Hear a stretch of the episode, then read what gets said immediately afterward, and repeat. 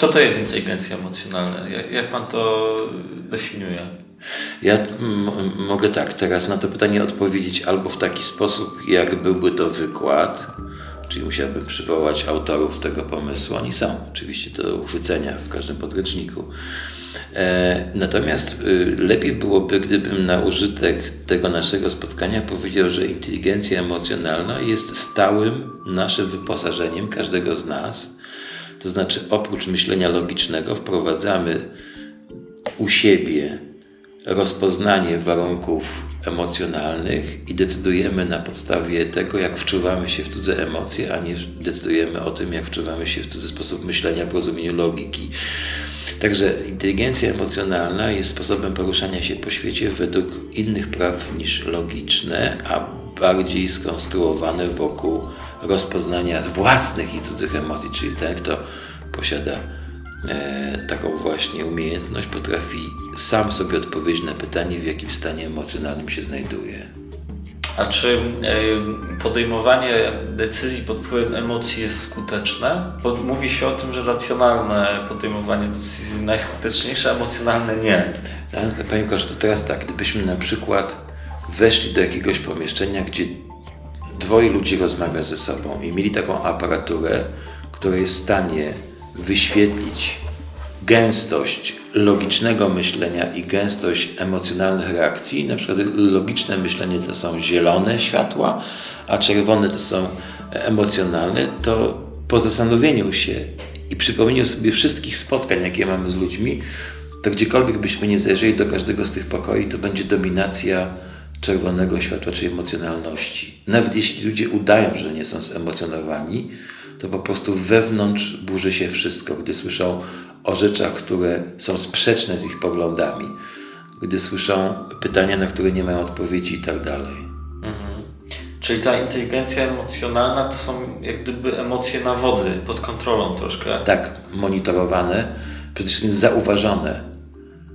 W sumie logika może też być niezauważona. Ktoś może posługiwać się logiką w sposób naturalny i nie przeprowadzać wywodów wewnętrznych spójności, koniunkcji itd. Tak, tak samo tutaj ktoś może posługiwać się swoimi stanami emocjonalnymi w sposób e, spontaniczny i taki no, bodziec reakcja, a może po prostu wiedząc w jakim stanie się znajduje, odpowiedzieć sobie na pytanie, co ma robić dalej. A co z tymi złymi emocjami, które w nas y, się burzą? Czy jak, jak, jakie y, jak z nimi sobie radzić? Czy je właśnie tłumić? Czy... Analizować, bo na przykład y, każde poczucie takiego stanu jak lęk, ono się daje zneutralizować poprzez najprostsze pytania dotyczące czego się boję, jak sobie wyobrażam e, sytuację rozwijającą się właśnie na nie. Trzeba dojść do tego, co jest granicą tego mojego lęku. E, Tutaj w, w, przypadku mm, takich stanów emocjonalnych jak lęk, to oddalamy się od tego, co nas wspólnie interesuje Panią Koszę, mianowicie jakby środowisko pracy. Mhm. No bo to, że ktoś mnie zwolni, to też jest lęk, prawda, przed czymś takim, ale myślę na przykład o tym, co jest y, wypadkową, czy może nie wypadkową, co jest ujemnym produktem rywalizacji, czyli y, zawiść. Mhm.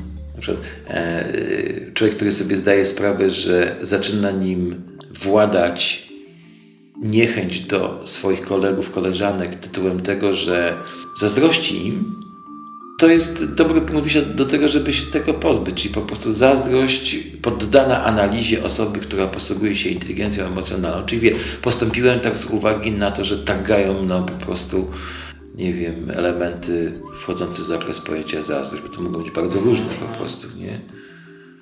Jak taka osoba ma postąpić wtedy po, po tej analizie? No to już podejmuje jakieś y, takie łagodzące, tak? Zobaczyć, tak, zobaczyć, co jest sygnałem cielesnym, na przykład wchodzenia w dany stan emocjonalny.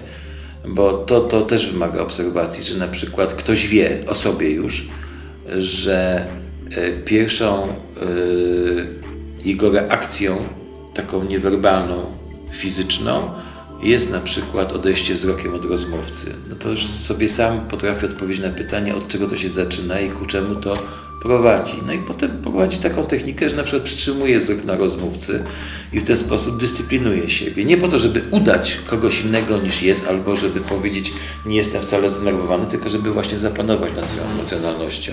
A z drugiej strony uczy się pewnie empatii, czyli czytania znaków po tak, tej no, drugiej no, no tak, bo to jest właśnie ta główna umiejętność yy, inteligencji emocjonalnej, żeby wczuć się w emocje nie tylko swoje, ale też innej osoby. Czyli mówimy o takiej, głównie o, o samoświadomości osoby tak, naprawdę. Tak, tak, tak, tak. Obserwuje wszystko, co wokół mnie się dzieje i analizuje. To nie, niekoniecznie, to znaczy po prostu, bo też tak, jakbyśmy tak to określili, jak Pan teraz powiedział, to e, możemy stworzyć obraz osoby tak dalece uważnej czy uważającej e, na swoje stany emocjonalne, że właściwie już nic nie jest w stanie zrobić, bo cały czas tylko poddaje e, swoje stany opracowaniu ana- analitycznemu. Właśnie się zdenerwowałem, właśnie się uspokoiłem. Teraz się uspokoiłem. Ciekawe, kiedyś znowu się zdenerwuję. No właśnie, to jak, Takie- jak to wyważyć, jak, jak wypośrodkować, żeby nie, nie wpaść w taką... Myślę, że to są kwestie nie w czasie teraźniejszym odbywane, tylko post factum.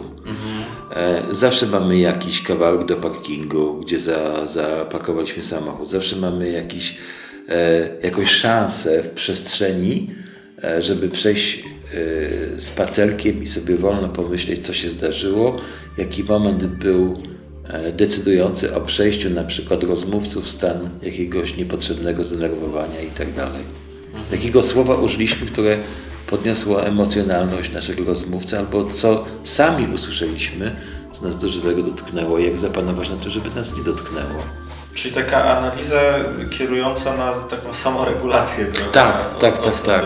Ale zawsze z tą myślą, że na przykład taka sama regulacja powoduje e, osiągnięcie jakiejś harmonii. Nie? Bo mamy oczywiście dobry stres i zły stres, tak cholesterol i tak dalej. Wiemy, że e, nie należy w ogóle eliminować ze swojego życia podniet, które doprowadzają do żywienia swojego zachowania, bo to by było niewłaściwe. Czyli stres jest potrzebny człowiekowi, jak każdemu żyjącemu y, zwierzęciu na, na, na świecie, że musi się zmagać z deszczem, z naporem wiatru i tak dalej. To jest potrzebne, żeby się rozwijać.